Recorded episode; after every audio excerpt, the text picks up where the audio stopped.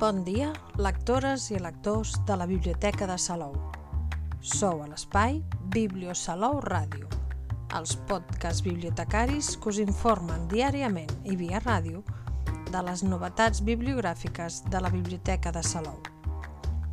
Els podcasts dels dijous us parlaran del que podem trobar a les xarxes sobre una de les novetats de novel·la juvenil del proper mes de setembre.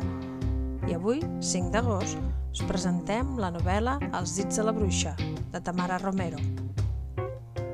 A la contraportada del llibre hi podeu llegir Una bruixa amb els cabells vermells i els dits de cer apareix inconscient a la llera del riu Adrenalina.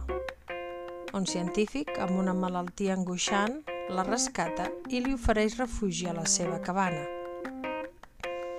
Aquí comença i convergeix la història maleïda dels protagonistes, en un món que supera a poc a poc les conseqüències d'una dictadura aterridora i on conviuen sonàmbuls que no volen despertar-se, punks que s'implanten peces metàl·liques al cos, robots de companyia que freguen la perversió i un crepat de bruixes que, un bon dia, va decidir abandonar les ciutats per conquerir els boscos.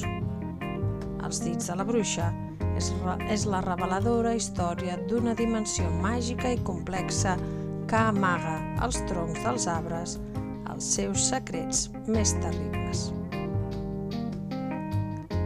Tamara Romero ens sorprèn amb la publicació en català de la seva primera novel·la breu, Els dits de la bruixa. Aquesta història va veure la llum per primer cop l'any 2012, sota el títol Hair Fingers, de la mà de l'editorial nord-americana Head Press. Ara es publica en català el segell de literatura fantàstica Mai Més, dins la col·lecció Catxa. Els dits de la bruixa presenta una societat que es troba sortint d'una dictadura devastadora i les seqüeles que aquesta va deixar en els seus habitants.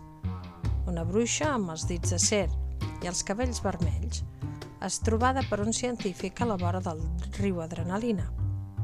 És aquest home, en volàtil, qui salva la bruixa, la missadora.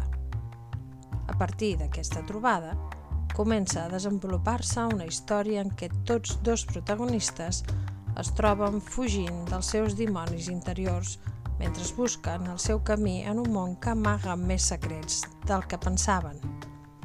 Narrada pels dos personatges principals, ben estructurada en sis parts i fluida, pot passar per un conte llarg o una novel·la curta, on l'autora només necessita 117 pàgines per tal de fer rutllar un món fascinant regit per lleis pròpies.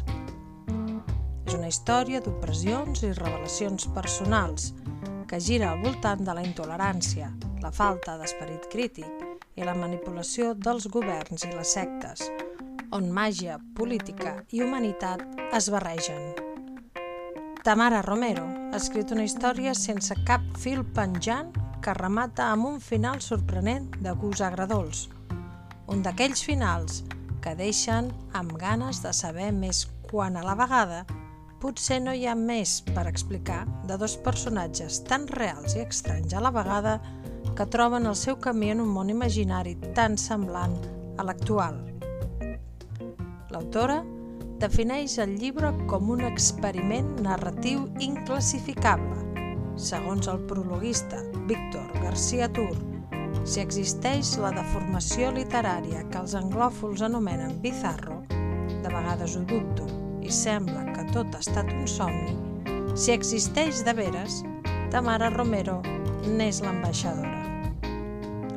Els dits de la bruixa està recomanat per a lectors i lectores a partir de 16 anys.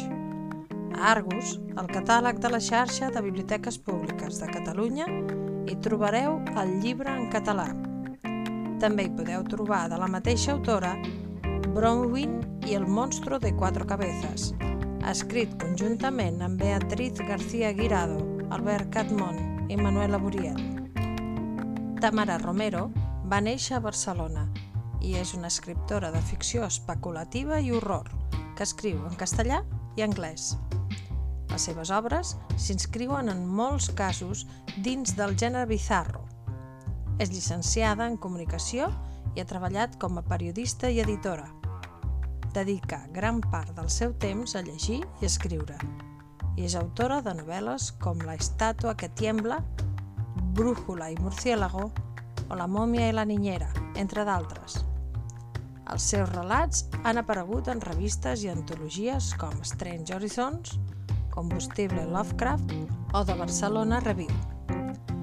La seva història, El aeropuerto del fin del mundo, va obtenir el Premi Ignotus, premi literari de relats de ciència-ficció, terror o fantasia en castellà, el 2014.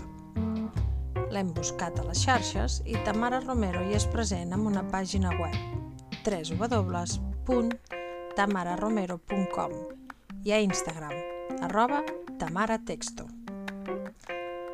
I fins aquí el podcast d'avui, però tenim més novetats de novel·la juvenil que anirem descobrint cada dijous. Que tingueu molt bon dia i molt bones lectures que us acompanyin en el dia a dia.